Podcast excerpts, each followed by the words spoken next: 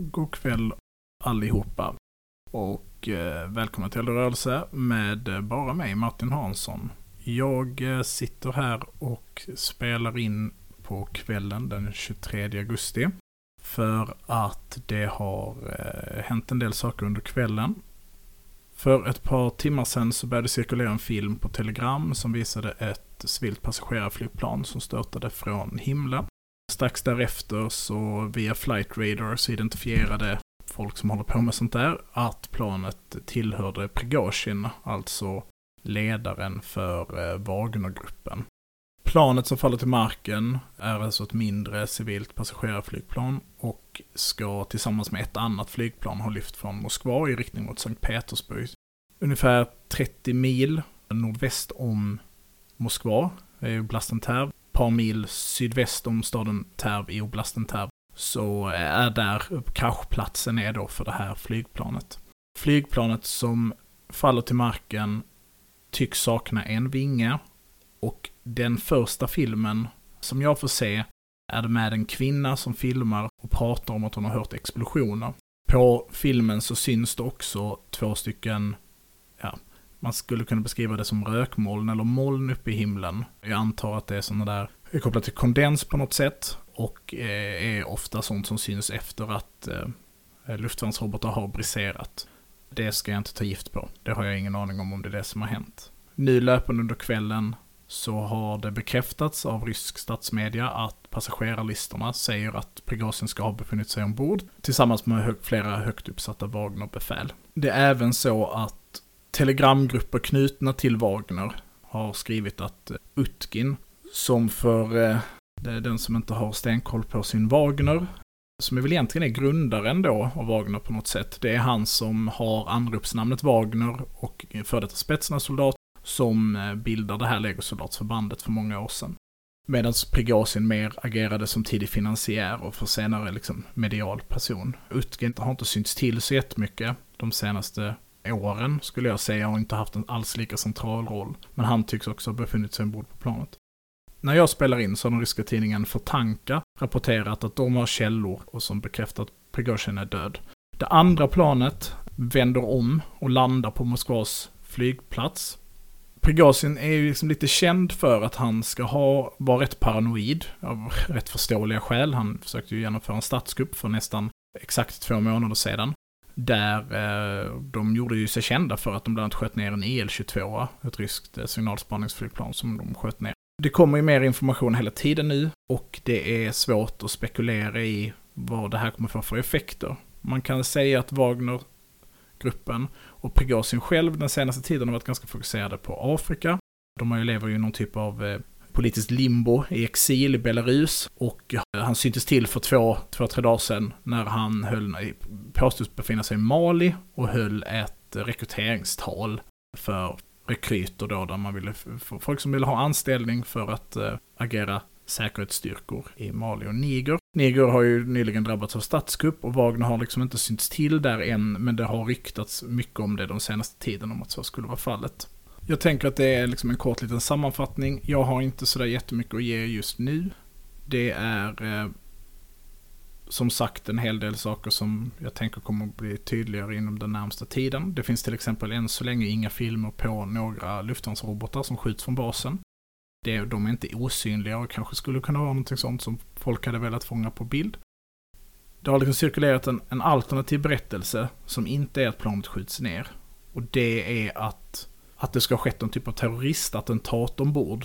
Vilket ju hade underlättat för att då för, för Rysslands del att det inte skulle vara, kunna på något sätt då kopplas till ett misstag eller en medveten, eh, medveten hem för Prigozjin. Det har dock inte liksom spridits av så stora officiella kanaler så vi får se om det tar spinn. Men det skulle jag tänka mig ungefär är det hela jag har att säga om det här just nu. Men eh, tack för att ni har eh, lyssnat in. Du lyssnar på Radio åt alla, en podcastkanal producerad av förbundet Allt åt alla.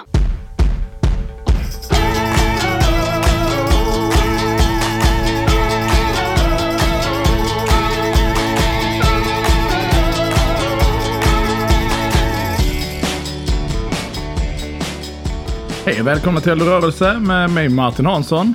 Och mig Myran Andersson. Vi eh, sitter här i källaren. Vi sa inte Ulla Krig och perspektiv. Nej, det gjorde vi inte. Det är fortfarande lite sommaravsnittsstämning. det är det. Jag är lite nyvaken.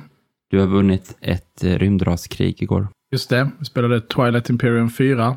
Mm. Det är ett spel med många små plottar på många kartonghexagoner utlagda på ett bord i rymden. Ja, det tog fruktansvärt lång tid. Det var... ehm, Nio timmar eller någonting. Ja, det var kul de första fem kanske kände jag. Sen så började jag tycka att det var rätt omständigt. Du vann ju ändå. Men vann, ja.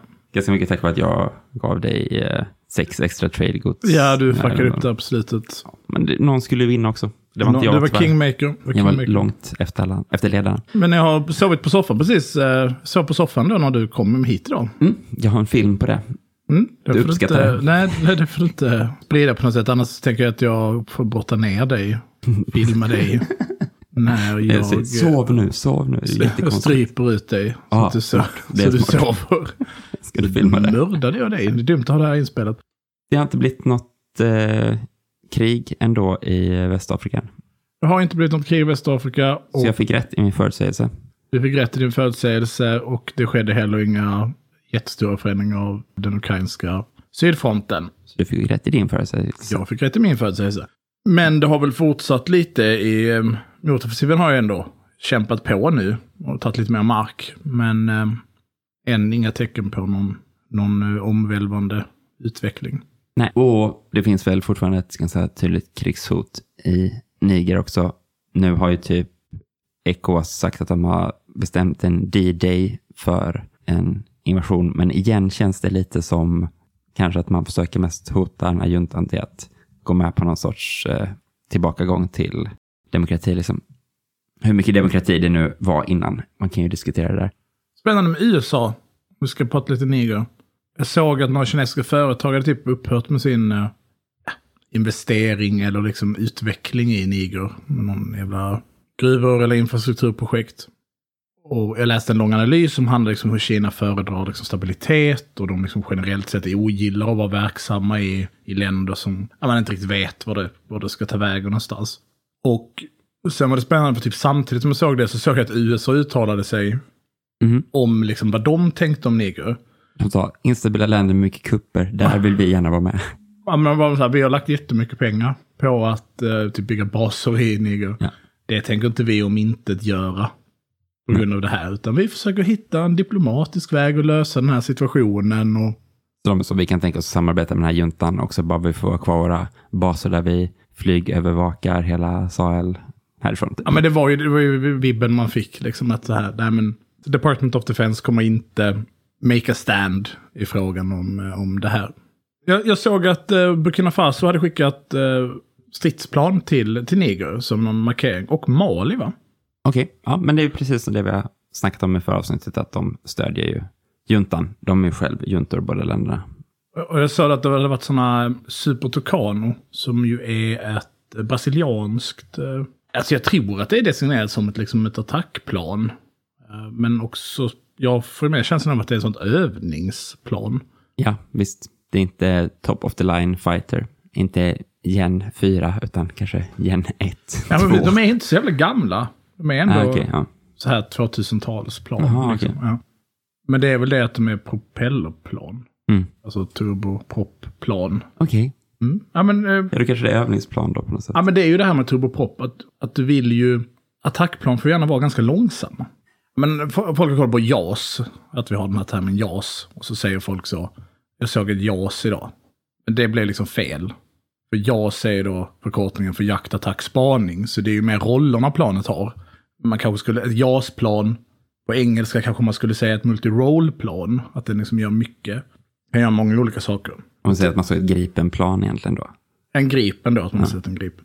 Och en F16 till exempel är ju också ett JAS-plan. I den meningen, att det är jaktattackspaning. Men rena attackplan då. Ja, vad de här termerna betyder. Ah, så liksom attack, okej. Attack. jakt, spaning. Är ju liksom, jakt är ju, Mot andra flygplan. Ja. Det är dogfight. det är dogfight. Eller det, det- här planet är till för att skjuta ner andra flygplan. Attack är att skjuta på marktrupper Ja. från luften. Okej, Precis. okej. Mm. Så därför kan man säga på termen attackhelikopter. Just det. Det är inte att man har defenshelikoptrar. Eller försvarshelikoptrar. Så de kan bara åka framåt, det är därför de är en attackhelikopter. Eller, Ja, och då behöver de planen vara ganska långsamma för att man ska kunna typ hitta målet man ska skjuta på innan man skjuter liksom. ja men precis. Och att du skjuter kanske saker som kräver att piloten siktar. Mm. Att, att faktiskt styr planet. Så Eh, du åker förbi jättesnabbt så ser du bara inte den där lastbilen. Nej, och skulle du då släppa, släppa sprängkapslar till exempel, bomber eller så, ja men då kan, du, kan man ju vara ganska snabb ändå, även om, om det försvårar. Men om du till exempel har väldigt kraftiga kanoner ombord, eh, som A10 då till exempel, Warthogen, som ju har en jättegrov ja, automatkanon på sig. Är planet för snabbt så hinner du inte skjuta med den. Eh, eller om man då har sådana salvpjäser på planen, så skjuter man raketer till exempel, som, som bara skjuts rakt fram. Um, som var ju stort under kalla kriget. Då måste ju planet gå in, se målet, rikta sig mot målet och skjuta. Flyga i exakt vinkeln man ska skjuta Mm, mot mm. själv liksom. Planet måste vara riktat. Och då, um, då är det bättre att vara lite långsam. Men å andra sidan så är långsamt innebär ju också att man är känslig för, Luftvärn ja, och andra flygplan. Men det kanske man... så då är, blir ju de planen blir väldigt lämpliga då för att eh, bekämpa eh, ja, insurgentgrupper då, eller civilister för den delen. Ja, men inte mot en annan armé kanske på samma sätt. Nej, men en moderna med dem då är jättekänsliga. Det fanns ju en lång eh, liksom, konflikt om det här som pågick i den amerikanska försvarsmakten. Som handlar om att man höll på att fasa ut A10 Warthog. Och typ alla plan i amerikanska försvarsmakten skulle mer eller mindre ersättas av F35, för den är ju också JAS då. Men den är för dålig på attack, tycker man då. Eh, nej men precis, den är ju dålig då på att göra mm, liksom, understödsangrepp över lång tid mot mål som i princip bara har eh, luftvärnskanoner och så. För de kan inte flyga lika långsamt i alla fall. Fast de är multiroll så kan de inte ha den rollen. de kan säkert flyga långsamt, men Mm. de är ju inte bestyckade heller då. De, de har inte som då ATN en jättetung eh, automatkanon ombord. Ja, just det. Utan då ska de kanske släppa eh, fem eller sex jättebra bomber. Men sen måste de ju åka tillbaka och får man sätta på nya bomber. Som ska de, men de kan inte cirkla runt ett mål och fortsätta agera understöd. Just det. Och där fanns väl en konflikt i en koppling, eller konflikten är liksom då mellan USA förberedde sig för ett krig med Kina, men befinner sig samtidigt i det så kallade kriget mot terrorismen. Och det är så, fast i kriget mot terrorismen, då vill vi jättegärna ha A10. Men i kriget mot Kina är A10 antagligen ganska värdelösa. Inte fastna i det här sidospåret om, om olika flygplan. Men så de här eh, Super Tucano kanske lämpar sig jättebra för det typ av krig som eh, Det blir mellan Ecowas och Niger då. För där tänker man att sån konflikt skulle ju kanske vara så, röra sig inom spektrat mellan ett konventionellt krig, men också på många sätt kunna likna, likna ett inbördeskrig till exempel. I vilken typ av beväpning och vilka grupper det är som strider. Nu uttalar jag om saker som jag inte har någon aning om, för jag har skitdålig koll på både Nigeria och Niger och resten av Ecowas-regionen. Men eh, det känns inte heller som att man är helt ensam om att ha dålig koll på det. Nej, Väldigt passande med den här memmen som du pratade om, om Sudan. Får du ta och reposta till våra lyssnare. ja visst. Det är väldigt mycket känsla när man försöker läsa på vad det är som händer. Liksom. Att det, är så, ah, men det finns en person som skriver om det här.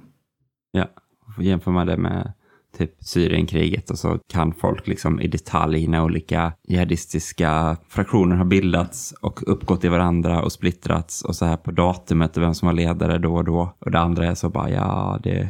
Vänta nu, de här grupperna har inte funnits på tio år, jag blandar ihop för att liksom det är ingen som kan fact-checka folk på sånt. Ja. Nej, för bara ingen. Eller, ingen kan, men ingen som finns på Nej. engelskspråkiga Twitter är det vi precis. pratar om. Nej, Liksom. Ja, självklart. Som är tillgängligt för oss.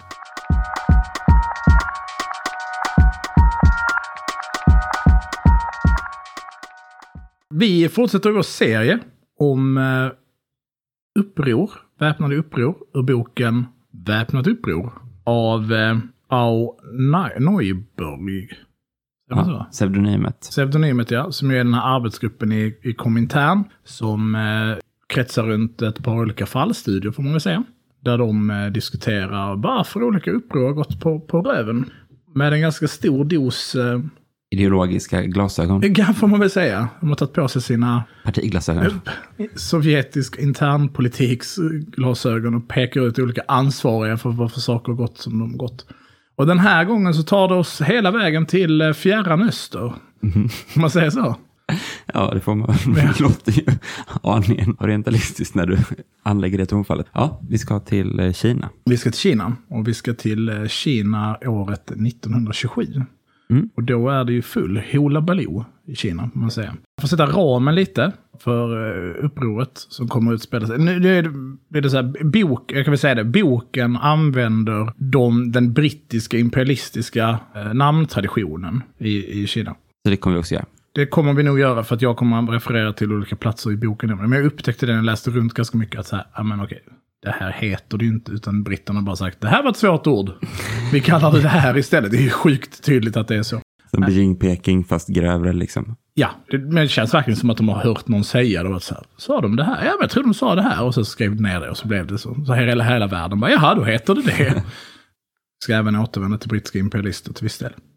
Och situationen i Kina i slutet av 27. Mhm. Vad tänker du när du hör ordet Kina 1927? Ifall jag inte hade haft en timme att läsa på mig Mm. om Kuomintangs historia, som var mitt uppdrag för det här. Vi spelade in två timmar tidigare än vad jag trodde, så det blev en timme istället för två år av Mm. av inläsning. Så hade jag väl kliat mig i huvudet och inte riktigt kommit ihåg hur det är. Nej, Men nu vet jag ju att vad är det som händer 27? det är liksom vit terror på gång och sådana saker. Shanghai-massakern hände ju i april 1927. Och det är inte Shanghai-massakern vi ska prata om idag. Men man ska komma ihåg den. Och det är ju en av flera, ja vad ska man säga, sammandrabbningar, men framförallt rena massakrar från den vita sidan mot vänstern i, och det är framförallt delar av vänstern i, i, i Kina. Och det är framförallt på något sätt interna maktstrider i Kuomintang Ja, som. Mm. ledde fram till det här. Liksom, eh, att man bestämde sig för att rensa ut kommunistpartiet som har fått existera inom Kuomintang innan dess. Alla deras sympatisörer Ja, och och, alla fackföreningar och alla som är vänster och så. För att det hänger ju samman Ja, men, och har stöd. men det finns ju en vänster inom Kuomintang som inte nödvändigtvis är kommunistpartiet. Precis. Och det absolut. finns liksom även en maktstrid och vi kommer komma tillbaka till det Mm. mellan dem. Och man bara, man ska sätta ramen lite och jag tänker att det kan vara värt att nämna med Shanghai-massakern, för det är en sån händelse som jag tänker att förklarar en hel del varför det blir som det blir i Kina sen. Men Shanghai-massakern är ju fruktansvärt brutal. Den, den sker ju någonstans som ett svar på de ökade spänningarna mellan de här två fraktionerna. Men mycket av det våldet som sker är ju i princip krigsherrar. Som använder en typ av våld som ju får en att typ tänka på IS. Det är så här, de här kinesiska kvinnorna som har kort hår och inte har sina Lindade fötter, fötter, ja. bundna så. De måste ju vara... De stympar vi. Ja. vi. Vi könsstympar dem och sen avrättar vi dem. Och så hänger vi upp kropparna på olika så att det ska lära folk en läxa. Så här, avskärda bröst och grejer. Så. Ja. Mm. Alltså det verkligen är så här. Det är inte något så här modernistiskt, vi, vi gjorde olika Massgravar och- bara sköt folk. Liksom. Utan att det är så här. Oj, det här är ett fruktan, det är fruktansvärt brutalt. Så det är liksom alla som deltar i ett uppror i, det här, eh, i den här historiska eh, kontexten gör ju det väldigt medvetna om att repressionen eh, är fruktansvärt hård. Och, och vi ska ju prata om kantonupproret som är ett kapitel i den här boken. Och den som har gjort studien, eller den som liksom kommenterade i boken i den här arbetsgruppen, är ju bland annat då Ho Chi Minh. Ja. Vilket ju är lite spännande. Så att läget när, när Shanghai-massakern händer och för den delen upproret i Kanton så är det ju en tid med, precis som beskriver, med väldigt starka motsättningar inom det som då heter Kuomintang. Och eh, du får väl rätta mig om jag har fel, men man skulle väl kunna beskriva Kuomintang som ett ganska typiskt nationalistiskt projekt. Där man enar en rad olika liksom, politiska och klassmässiga krafter i Kina under ett och samma paraply med typ syftet vi ska bilda en nation. En nation, ett sammanhängande land. Men det tror jag känns rimligt. Som pendlar någonstans mellan att vara kristdemokrater, alltså i liksom konservativa, till socialdemokrater, men till viss del också och, ja, kommunister då. Mm. Precis, inom sig finns det. Ett, men ganska, det är det liksom en blir- paraplyorganisation i någon mening. Ja, men det kommer ju att vara så just på grund av den här situationen att 1923 så får inte de något stöd från liksom västmakterna och så. Så då så gör de istället en allians med Sovjet och det. säger så här, kommunistpartiet och vi har en liksom enad front, kommunisterna får gå med i Kuomintang som enskilda individer, men inte som en egen fraktion. Men det är liksom okej att ha den bredden nu då i Kuomintang, att man får vara kommunist också. Även ifall det är så. Och sen så ska de dela vår ideologi som är då liksom typ tre principer som är fastslagna av den första presidenten som är så nationalism, det ska vara ett självständigt land. Vi ska inte vara dominerade av någon imperiell makt. Det ska vara liksom en republik, en demokratisk republik på något sätt. Det ska finnas någon sorts välfärd i samhället. Liksom. Ibland kallas det kommunitarism eller welfareism, så det på Wikipedia. Mm. Liksom, ja. så det, det, finns ju liksom verkligen den spännvidden då på något sätt, att det är liksom socialkonservativt eller socialdemokratiskt, får ju plats med de principerna på något sätt. Mm. Ledaren för Komintang, är det inte så att, att han är den som åker innan, ledaren innan Chiang Kai-Shek, Mm. åker typ till Sovjet? Eller är den som åker typ runt och försöker bilda stöd? Och han identifierar sig i någon mening med någon typ av vänster. Alltså, ledaren för Kuomintang är ju fram till 1925 då han dör, Sun Yat-sen. Och det är hans som har de här tre principerna. Mm. Men sen så efter honom så blir det ju som att det finns då den här höger och vänsterfalangen respektive. Och vilka ska få makten av de två? Ingen. Militären blev den som tar den verkliga makten. För Sovjet hjälper då till att starta en liksom militärakademi för Kuomintang i Kina. Så de har en ganska på något sätt modern egen armé som parti då som ska ta över Kina liksom, och skapa den här republiken. Och ledaren för, för den armén är personen just, just sa tror jag. Chiang Kai-Shek, Mm. som jag tror att han heter. Ja. Ledaren för vänstern som heter Wang Jingwei. Mm. Och ledaren för högern som heter Hu Hanmin. Men ja, precis, ingen av dem bestämmer. Men det kanske är han Wang Jingwei som reser runt då, Okej. jag vet inte. Mm, mm. Men, men alltså, Sun reste ju också runt väldigt mycket. Alltså han som grundar Kuomintang och har de här tre principerna. Han, dels är han uppväxt på Hawaii en tid och han är liksom någon sån läkare som tycker att den kejsardynastin är extremt bakåtsträvande och inte kan ta till sig modern vetenskap och så. Så på något sätt är hans drivkraft så Kina ska liksom moderniseras eller så, bli en modern Mm. Det är stat. säkert han jag tänker på. Mm. Ja, men han åker ju runt mycket, men han är ju död 25 redan. Han är död, han är död då, ja. Och han får ju mycket finansiering liksom, på Mm. olika ställen. Så här typ exil-kinesiska grupper, eller ja, i diaspora, så här, som i England och i USA och så stöttar han dem också. Men var kommer alla krigsherrarna ifrån? För det är som att när man läser om Kuomintang den här perioden så är det också som att de är så här. Sen eh, är det bara massa krigsherrar överallt. Men är det då att Det den här är- militära liksom, delen av Kuomintang Det tror jag är- inte är en del av Kuomintang-krigsherrarna. Utan det är väl så att de gör liksom det första, de störtar ju kejsardynastin 1911 redan. Och då tar liksom någon, då har de liksom ett val till nationalförsamling och sådana saker. Och då blir han Sun vald, men han har liksom inte militär backning så han avgår och så blir det någon så här general på något sätt, ledare istället. Och han avskaffar ju, han försöker bli kejsare igen då återinföra kejsardömet och då bryter det ihop liksom. Och då antar jag att det är kanske olika generaler i armén eller någonting som blir de här olika krigsherrarna. Att det är lite free, free for all då. Liksom. Ja. Landet håller på att lösas upp i någon mening. Men, Men, det här pågår ju länge då, alltså från 10-tal fram till... enligt den här rapporten då så är ju situationen på hösten 1927 är väl liksom att, menar arbetsgruppen, att liksom den, den borgerliga delen av Kuomintang är liksom på väg bort fr- från den här liksom demokratiska parollen. Och övergår mer och mer till att bli liksom en rent militaristisk organisation. Det blir en junta helt enkelt. Att det är det som är på väg att hända. Mm. Och då kombinerat med att man börjar angripa kommunistpartiet och vänstern inom Kuomintang. Så, så blir de här eh, spänningarna så starka att, att eh, det måste ske någon typ av sammandrabbning. Och att samtidigt så händer ju då en ekonomisk eh, kris på något sätt i landet. Så liksom strejker och, och liksom eh, protester kopplade till brist på matvaror och så vidare är starkt. Och då börjar det också uppstå en, en kraftig rörelse bland, eh, bland bondebefolkningen. I Hunan, Hupei, och Hunan och i Kwantung och så vidare. Så är det liksom, där är det redan ganska kraftiga sammandrabbningar mellan landägare och vad de säger i rapporten kulaker då, och bönder. Och de pratar om att det redan finns stora områden där det mer eller mindre redan har skett uppror som man inte har lyckats begränsa. Där bondebefolkningen helt enkelt har tagit makten. Kommunistpartiet då, under den här perioden, verkar ju ha, enligt den här rapporten, det är mycket det här, att det är olika kommunistpartier som är dåliga. Det brukar vara det som är svaret varför det har blivit så blivit, och det här är inget undantag. Och det ska ju sägas att den här boken är ju också liksom, det blir som en del i kampen om historien och fraktionsstrider inom det sovjetiska kommunistpartiet, men också liksom de olika kommunistpartierna. Bland annat så finns det ju en bakgrund till det du pratade om tidigare om att, Kuomint- att Kuomintang släpper in kommunistpartiet. Och det finns ju en strid i Sovjet om huruvida kommunistpartiet borde gå in i Kuomintang eller inte. Och de som har skrivit den här arbetsgruppen tillhörde fraktionen som tyckte det var fel att man skulle gå in i, i Kuomintang. Man skulle ha en extern egen kraft hela vägen, liksom, tycker de. Ja, och Sovjet borde aldrig stöttat Kuomintang från första början. Okej, Eh, ja.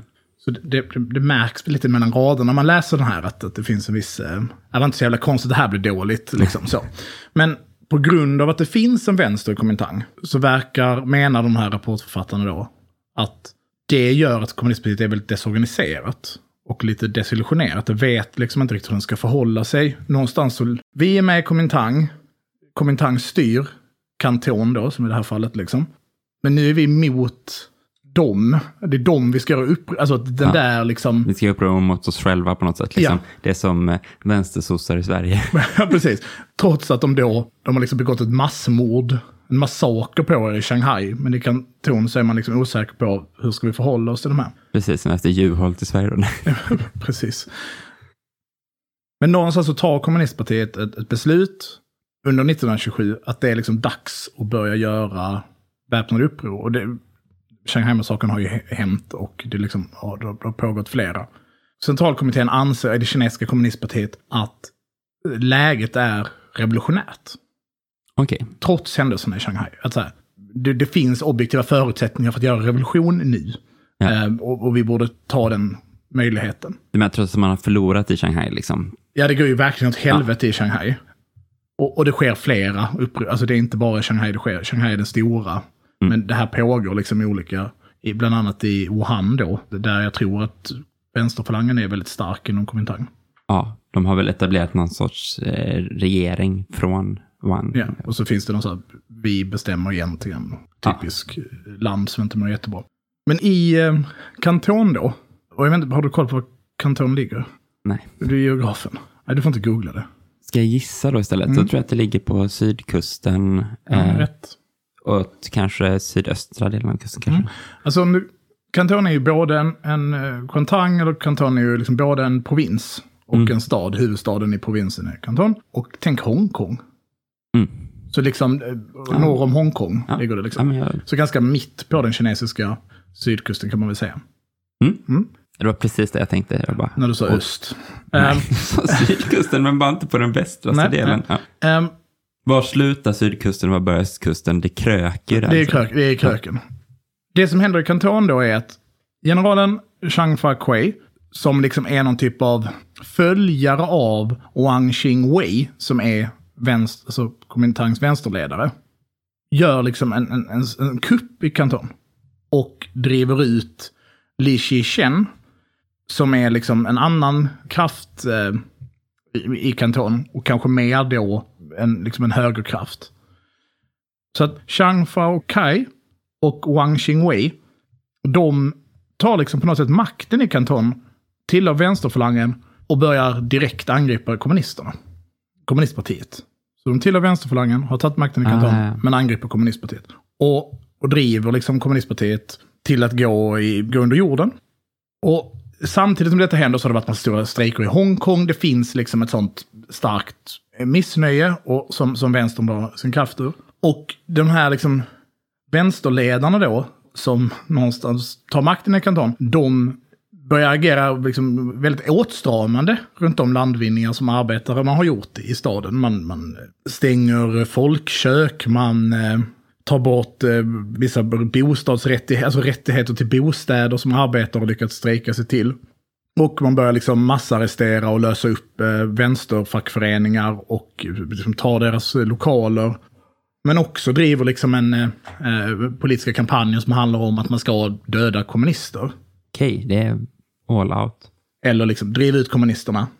Men de, den falangen som Chang Fao-Kuei gjorde kuppen mot, den finns liksom fortfarande kvar. Och det uppstår liksom ett krig utanför kanton, norr om kanton, där det liksom pågår strider mellan de väpnade grupperna från de här två olika delarna av Kuomintang. Just det.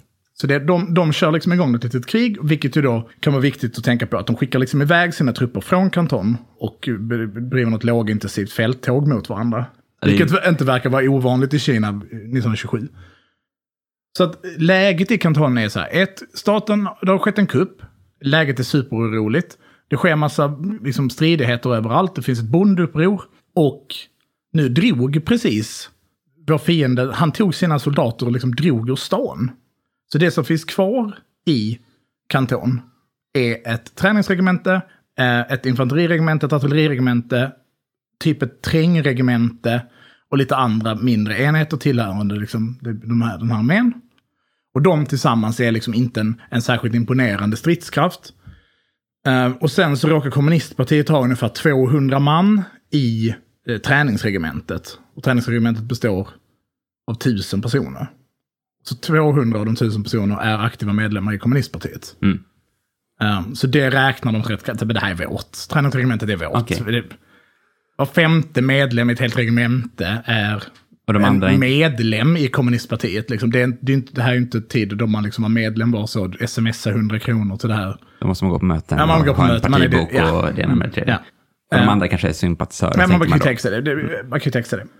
Och sen så finns det lite andra liksom, väpnade styrkor i staden. Man har ett regemente som ligger på ön Honam.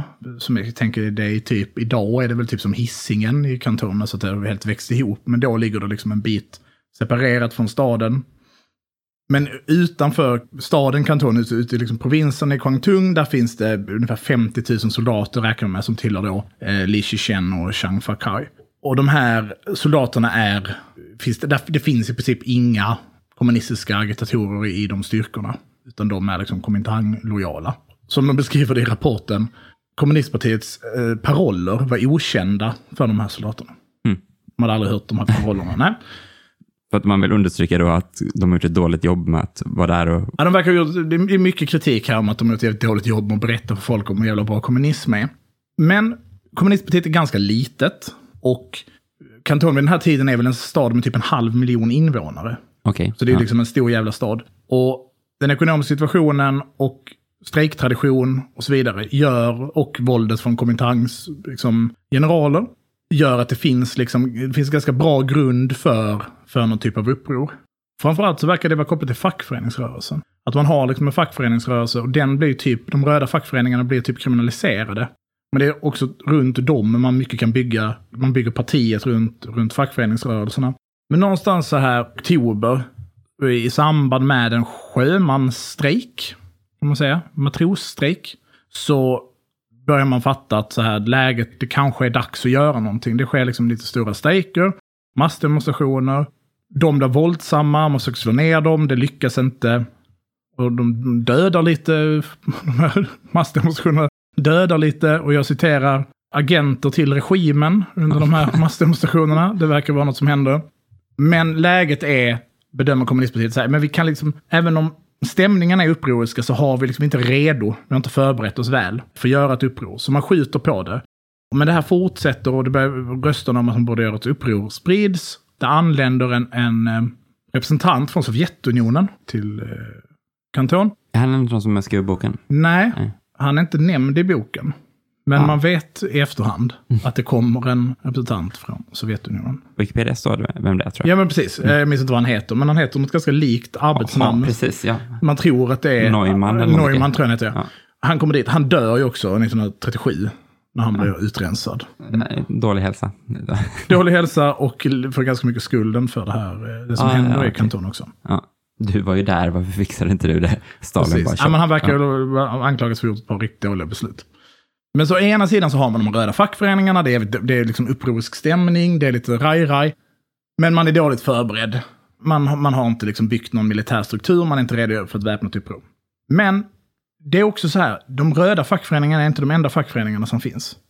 Det finns också en väldigt stor fackföreningsrörelse i Komintang. Alltså Komintang har många fackföreningar, som de här i boken då kallar för gula.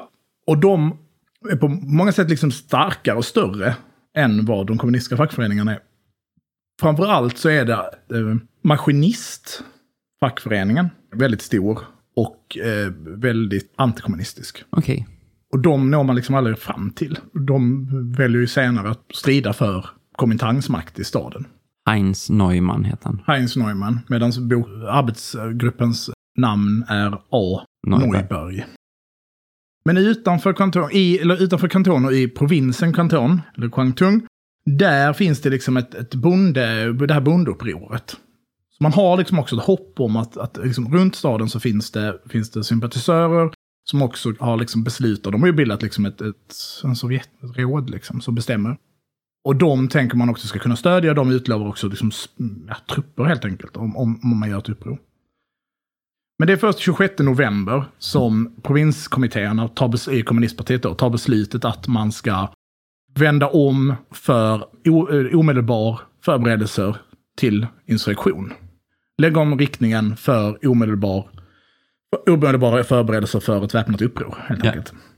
Man är då liksom övertygad om, säger man i rapporten, om att förutsättningarna, objektiva förutsättningarna finns. Och eh, med rätt, med rätt förberedelser så kommer man liksom helt enkelt bara kunna göra schackmatt under de första dagarna.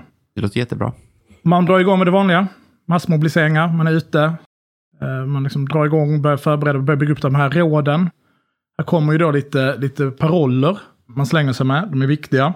Jag skulle gärna vilja höra din åsikt om dem. De här som de inte hade fått höra om på hissingen förut. Ja, men, eh, precis, de har inte fått höra de här parollerna. Det finns en rad paroller. Eh, Jag vill höra vilken du tycker är bäst Mhm. och vilken du tycker är sämst. Jag citerar boken. Partiet förde sin agitation bland massorna med följande paroller. Ned med Chang Fao Kuei och Wang Tsingwei. Ned med Kuomintang. Full demokratisk press, yttrande, mötes, samlings och strejkfrihet. Utrotandet av Chang Fai Kueis provokatörer. Beväpning av arbetarna och bönderna.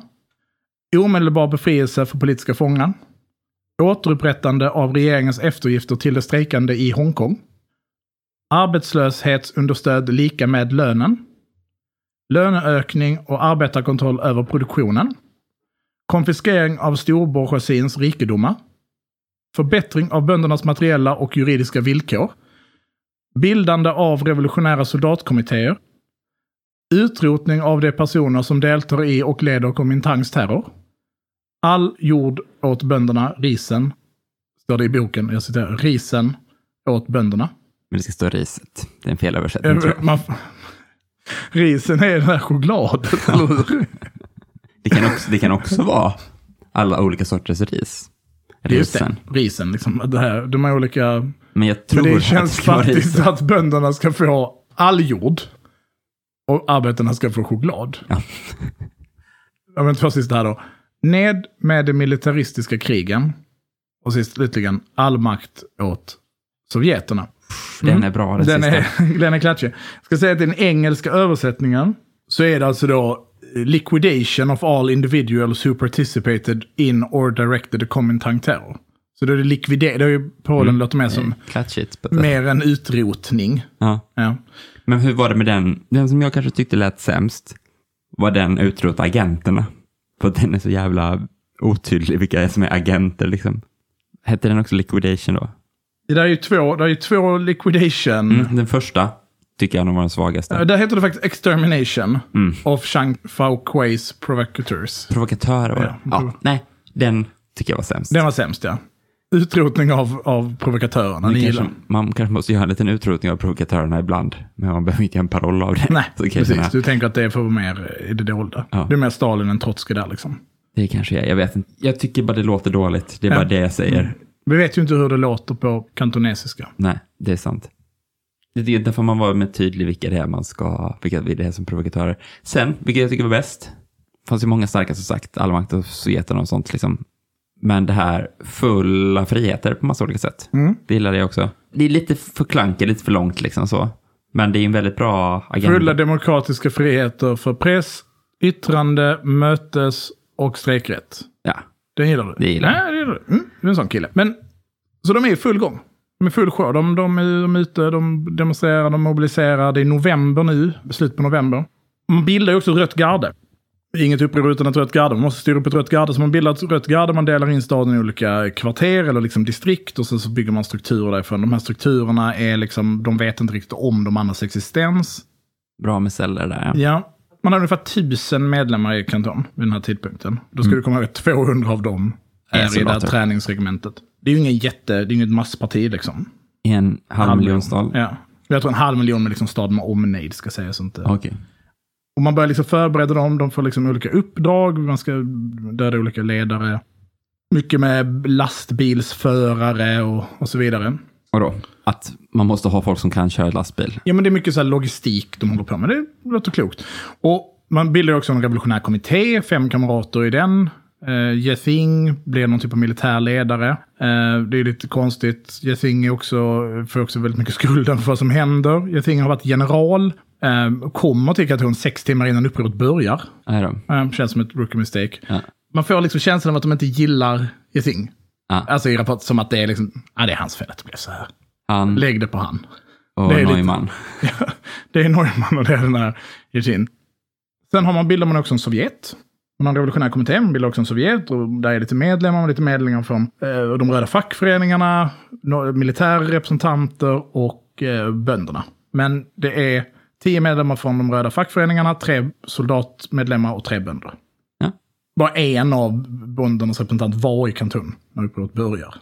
Men det är väl lugnt om man är bonderepresentant. Att man är bland. Bönderna. Som fisken i vattnet och så vidare. Men agitationen bland armén, det fortsätter typ bara vara i det här träningsregementet. Ja. Man penetrerar liksom inga andra strukturer. Och då, läget är väl så här då, strax innan upproret börjar. Upproret börjar ju 11 december, jag för mig. Det här är alltså i november, 27 november. Då räknar man att, att reaktionen då, de har 3000 man i eh, några regementen. I Folins regementen, alltså den person man avsatte i kanton. Han har 3000 man. Ett artilleriregemente på 500 man. De har 30 kanoner. Eh, ett infanteriregemente eh, på 600 man. En infanteribataljon, 250 man. Lite andra soldatstrukturer på 300 man.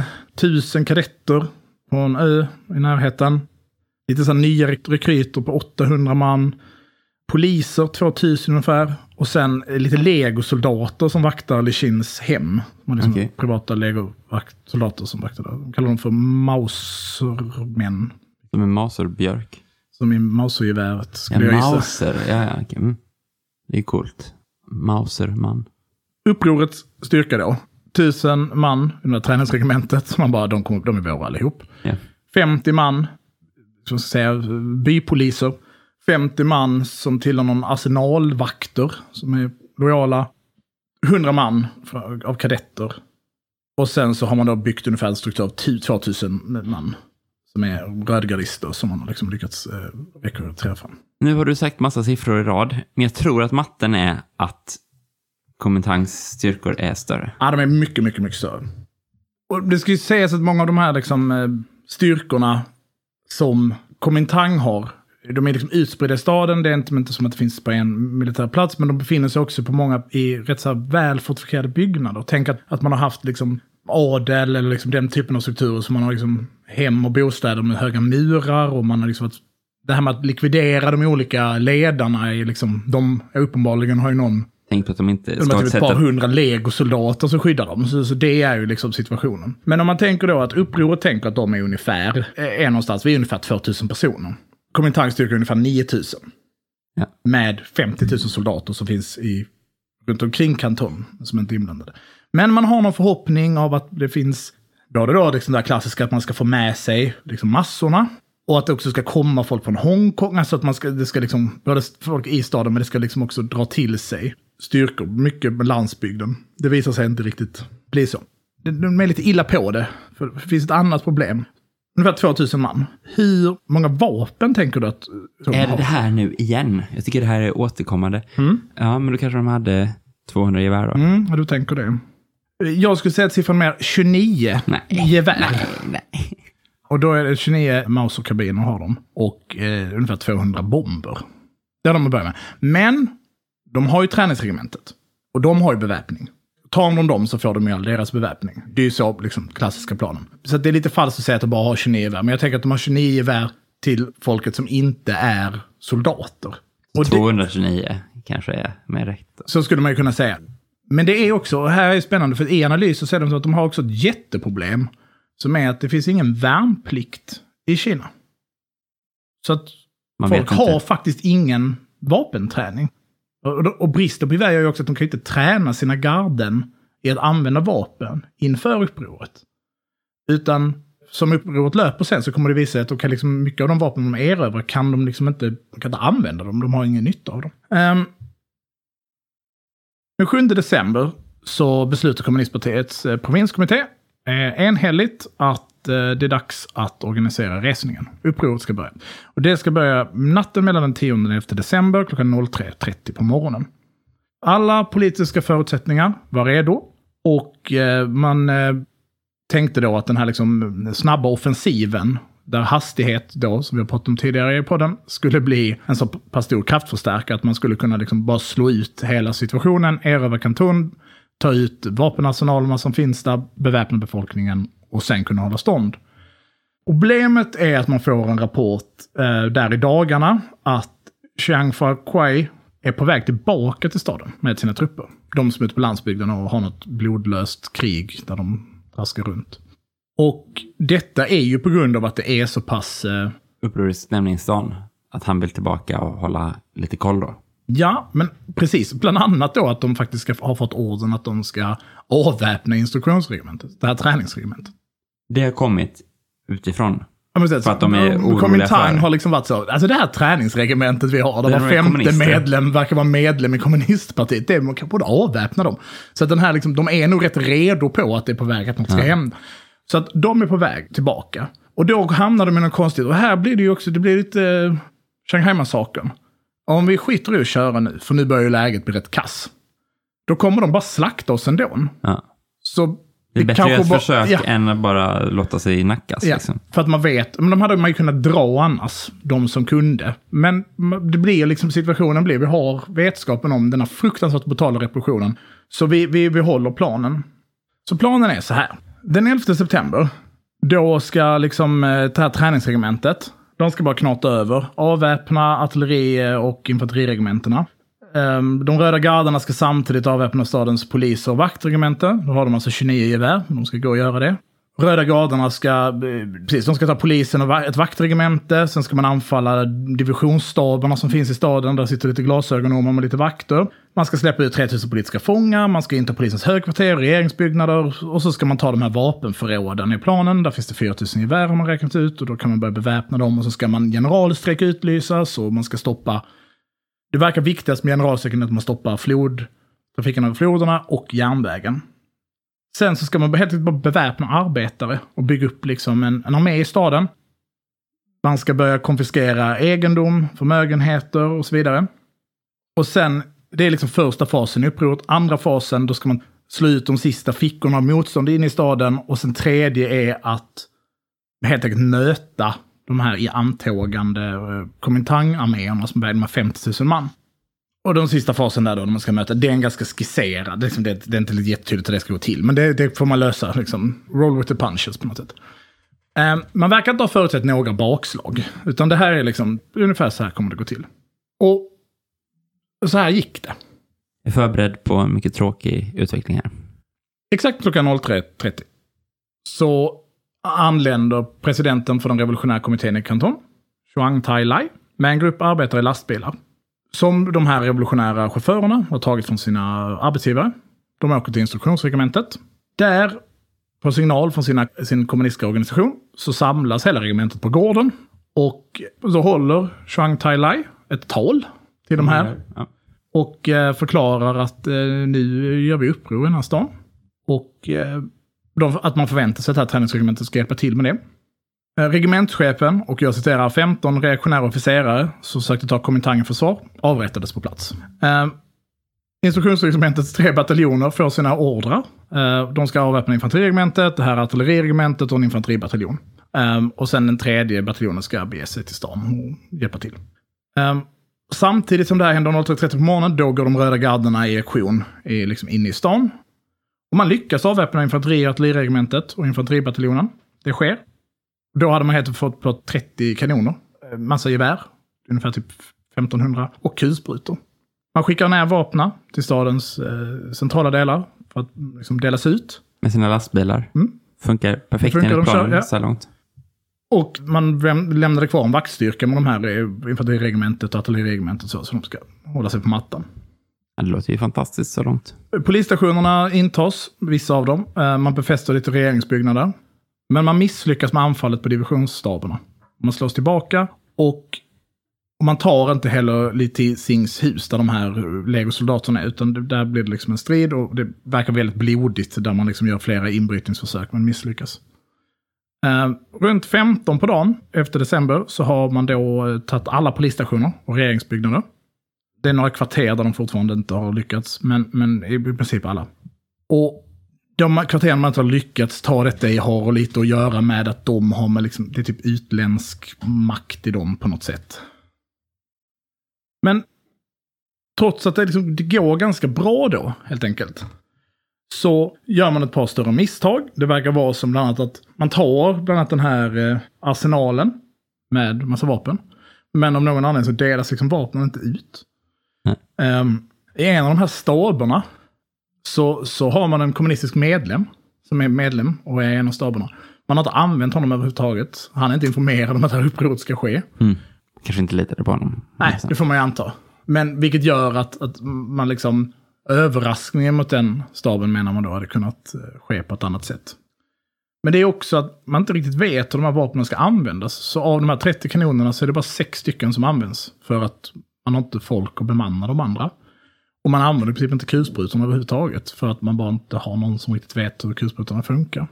Det känns väl lite igen från tidigare kapitel i den här boken. Och så uppstår det ju strider med de här gula fackföreningarna. Eh, bland annat maskinisterna. Som Aha. Eh, kämpar emot. Har de några vapen då? Ja, men de har också liksom en milisdel, eller vad man ska säga, som strider. Men generalstrejken lyckas heller aldrig riktigt träda i kraft och eh, transporterna fortsätter. Och det gör att även om man liksom någonstans lyckas 11 december och till viss del den 12 december med att ta staden, så är ju den här armén antågande. Och natten mellan den 12 och den 13 så träffas revolutionskommittén och säger att så här, men vi kommer inte vinna det här. Nej. Så då har vi läget att försöka sticka. Eller liksom bli förintad när de väl ankommer. Och staden hade ju också på något sätt redan börjat bli omringad i den meningen att liksom, det var ju folk på väg. Man bröt till exempel inte telegraf, man lyckades inte stoppa telegrafkommunikationen. Och brittiska och andra liksom imperialister understödjer att skicka in folk från de här öarna söderifrån.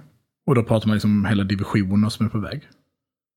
Och då tar man då slutligen helt enkelt beslutet att försöka lämna staden. Och summas, och då på det sättet så sprids liksom upproret upphör och man, man drar utan någon riktig liksom strid mot de anstormande. Det känns ju lite skönt då, att de inte bara blev slaktade i den striden. Men hur går det för befolkningen Nej, men det blir ju starka, starka repressioner. Uh, och det är också som att man typ inte vet. Nej. Um, och man kan säga att det stupar ungefär 4 000 upprorsmän under det här. Och man vet fortfarande inte förlusterna för, för Komintanganhängarna. Jag har försökt ta reda på några siffror på det. Det vet man inte. Eh, upprorets analys av varför det blir så här. Det är liksom konstigt. Eh, när man läste det här kapitlet så blir man lite så här. Eh, Jaha, det bara, det bara blir inget. Eller så. Boken har ju en lång eh, analys om varför läget blev så här. Det, det, är det gamla vanliga. Det var att det var liksom inte tillräckligt noga planerat. Det var inte tillräckligt noga förberett. Det... Inte tillräckligt omfattande folkligt stöd. Precis. Det var liksom brist i organisationskapaciteten och hur mycket arbete man borde till exempel ha då lyckats penetrera fler av de militära strukturerna. Varför tog man de här soldaterna till fånga när man istället kanske borde agiterat hos dem? Försökt få med, alltså den typen av eh, analyser. Um, men samtidigt så ger man dem så här, men det här var ju liksom jämfört med många av de andra exemplen så är detta en, en mycket mer framgångsrik plan. Jag skulle vilja säga att omständigheterna är rätt uppenbara att de inte kommer lyckas. Alltså just eftersom att de inte riktigt har någon lösning på den här anstormande, eh, eller det, det fanns flera arméer som rörde sig runt om platsen och man visste att de skulle anlända. Och då självklart bristen på, på vapen och heller ingen idé om hur, om de skulle blivit belägrade till exempel, hur skulle de klara av att fortsätta strida över, över lång tid? Intressant nog med Kanton och händelserna i Shanghai, och det kanske blir ett avsnitt om, om Shanghai-massakern också, eh, eller upproret i Shanghai, är ju att trots att båda de händelserna har skett, så är detta liksom någonstans också startskottet på flera uppror i Kina. För den här situationen med Kuomintang är ju inte löst på något sätt.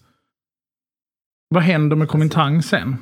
Nej, men den situationen löses väl aldrig höll jag på att säga, utan det pågår ju fortfarande idag kan man mm, säga. Den är ju högt aktuell. Det som händer med inbördeskriget i Kina och, så, och Maos långa liksom, kamp är ju att Kuomintang till slut drivs ut från Fastlandskina och ju flyr över till Taiwan och blir liksom en enpartidiktatur där fram till 90-talet typ. Som är väldigt repressiv och vit terror och sånt mot folk i Taiwan och så. Men nu är det ju ändå riktiga val i Taiwan och eh, Kuomintang har ju förlorat. De sitter inte vid makten just nu. Och det är till och med så att alltså Kinas kommunistparti idag tycker ju sämre om det andra partiet på Taiwan. Den andra stora koalitionen, de är koalitioner, men, men liksom som styr nu, som ju är mer så här mitten, vänster eller liksom liberal på något sätt, liksom socialliberal, står för liberala rättigheter och sånt.